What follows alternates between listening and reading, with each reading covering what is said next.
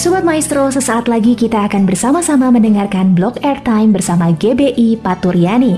Selamat mendengarkan.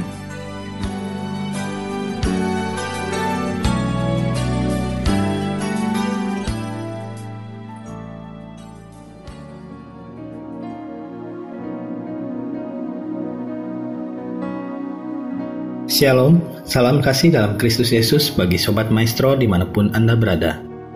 Kembali lagi dalam acara Suara Paturyani bersama saya Agnes Ferdian. Mari sama-sama kita berdoa sebelum mendengarkan dan membaca bagian dari firman Tuhan. Tuhan Yesus, terima kasih untuk kasih-Mu yang luar biasa bagi kami, sehingga kami bisa memasuki tahun yang baru, dan kami boleh sampai pada hari ke-24 di tahun yang baru ini. Kiranya saat ini kami boleh menyiapkan hati dan pikiran kami tertuju hanya padamu, pada firman dan renungan yang akan kami dengar dan baca. Roh Kudus bekerja dalam hidup kami, memberi pengertian dan memampukan kami untuk selalu melakukan kehendak-Mu. Di dalam namamu kami berdoa. Amin. Sebelum saya menyampaikan renungan firman Tuhan saat ini, izinkan saya untuk mengucapkan selamat tahun baru 2023. Di bulan pertama di tahun yang baru ini, biarlah Tuhan Yesus memberikan kepada kita semangat yang lebih kerajinan yang lebih, dan iman yang lebih dalam mengikut Tuhan Yesus. Juga biarlah kita bisa tetap setia sampai akhir hidup kita. Sobat Maestro yang dikasihi Tuhan, di awal tahun ini saya percaya Sobat Maestro sudah mempunyai harapan baru, kekuatan baru, motivasi dan komitmen yang baru dalam menghadapi hari-hari ke depan. Biarlah itu semua boleh menjadikan kita sebagai manusia-manusia baru yang lebih baik lagi di hadapan Tuhan. Sore hari ini ada satu hal yang mungkin banyak di antara kita menganggap bahwa hal tersebut adalah hal kecil, hal sepele, dan cenderung kita abaikan. Saya rindu mengajak Sobat Maestro untuk merenungkan satu hal ini.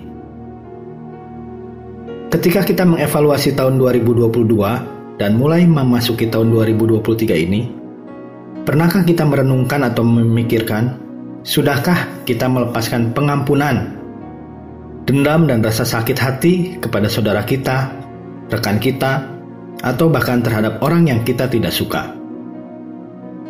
Renungan firman saat ini saya beri judul Melepaskan Pengampunan di Tahun yang Baru.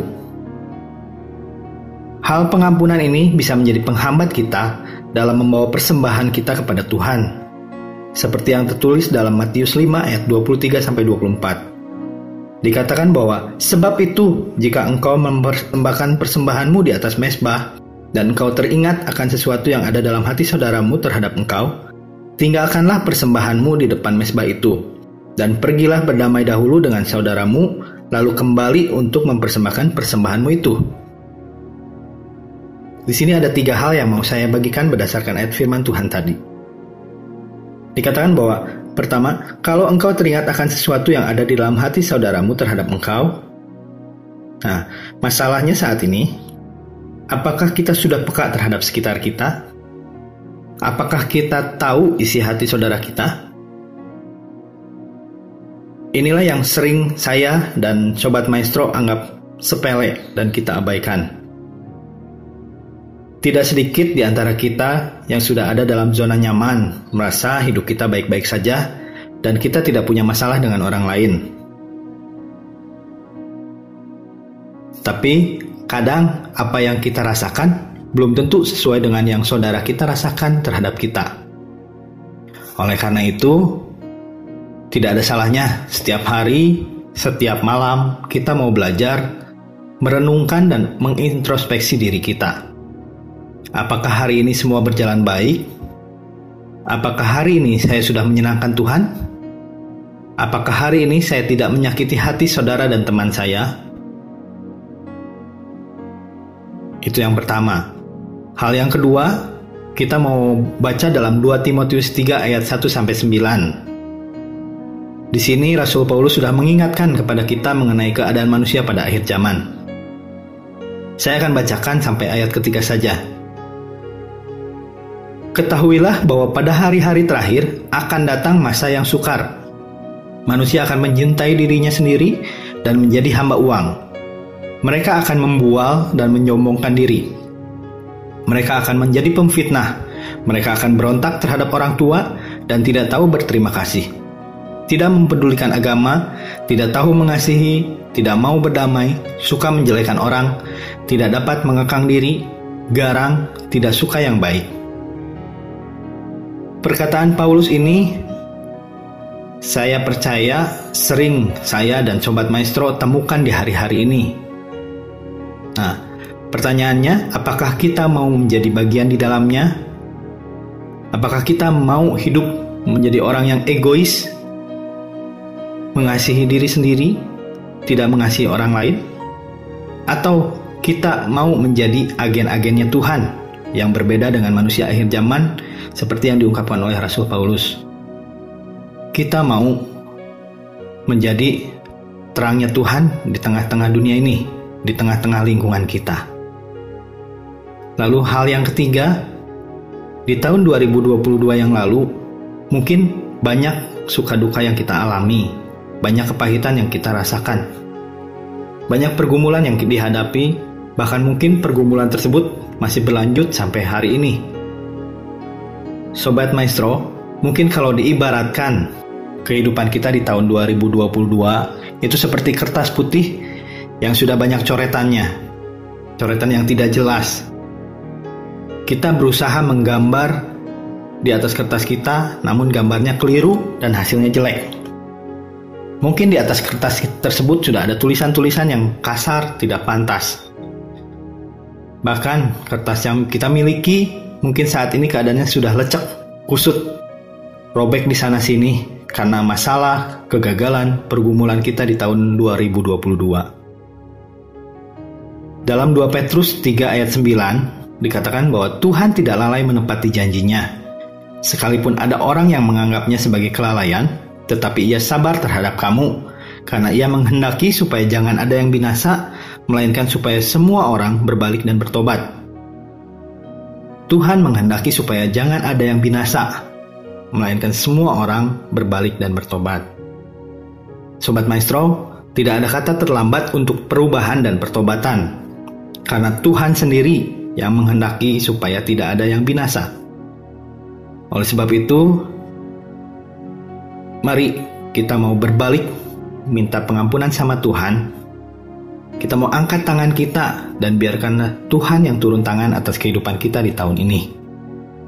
Kesimpulan dan bahan perenungan kita sore hari ini Pertama, sebagai orang yang beriman kepada Yesus Kristus dan menjadikan Yesus sebagai teladan dan juru selamat kita, sudahkah kita melepaskan pengampunan kepada saudara kita, kepada rekan kita, bahkan kepada orang yang tidak kita sukai?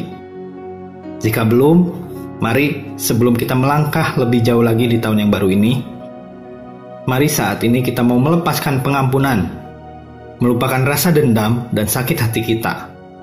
Mari kita mau katakan di dalam nama Tuhan Yesus. Yang kedua, keadaan manusia akhir zaman yang cenderung egois dan tidak mau berdamai bukan menjadi alasan buat saya dan sobat maestro untuk tidak menjadi orang-orang yang peka terhadap lingkungan sekitar dan terhadap saudara kita. Mari kita mau belajar untuk selalu menjadi pembawa damai di mana pun kita ditempatkan, kita mau peka terhadap lingkungan kita, baik di tengah keluarga kita, di pekerjaan kita, di pelayanan kita, dan di mana pun kita ditempatkan. Yang ketiga, mari kita minta kertas putih yang baru dalam hidup kita di tahun yang baru ini. Berbalik dan bertobat, minta pengampunan dari Tuhan, dan izinkanlah Tuhan yang menjadi juru tulis dan juru gambar di kertas kita ini. Supaya saatnya nanti kita boleh memiliki karya yang baik dalam kertas kita sesuai dengan rancangan Tuhan. Dan banyak orang yang menyukai dan mencontoh karya yang ada dalam kertas kita ini. Amin untuk firman Tuhan. Mari kita berdoa.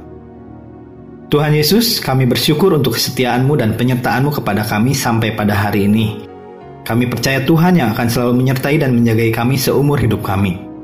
Saat ini kami berdoa untuk semua yang sudah kami alami, kami mau meminta ampun kepadamu ya Tuhan untuk setiap dosa yang kami lakukan, baik sengaja maupun tidak sengaja. Kami juga mau melepaskan pengampunan buat saudara kami, rekan kami, bahkan musuh kami. Dan biarlah saat ini semua sakit hati, dendam, boleh lenyap di dalam hidup dan hati kami di dalam nama Tuhan Yesus. Berikan kami kepekaan saat kami bekerja, di tengah keluarga, dan saat kami melayani, supaya kami tidak menyakiti saudara kami, tapi kami bisa memberkati mereka dengan apa yang kami lakukan. Dan biarlah di bulan pertama di tahun 2023 ini, kami boleh memiliki kertas yang baru untuk kehidupan kami ke depan. Dan kami minta Tuhan Yesus yang menjadi juru tulis dan juru gambar untuk kertas kami ini. Terima kasih Yesus, di dalam nama Yesus kami berdoa. Amin. Sobat Maestro, terima kasih telah mendengarkan suara Paturiani edisi kali ini.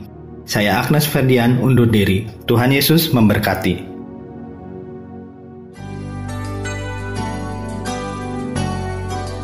Sobat Maestro, kita baru saja mendengarkan blog airtime bersama dengan GBI Paturiani. Terima kasih atas kebersamaan Anda. Tuhan Yesus memberkati.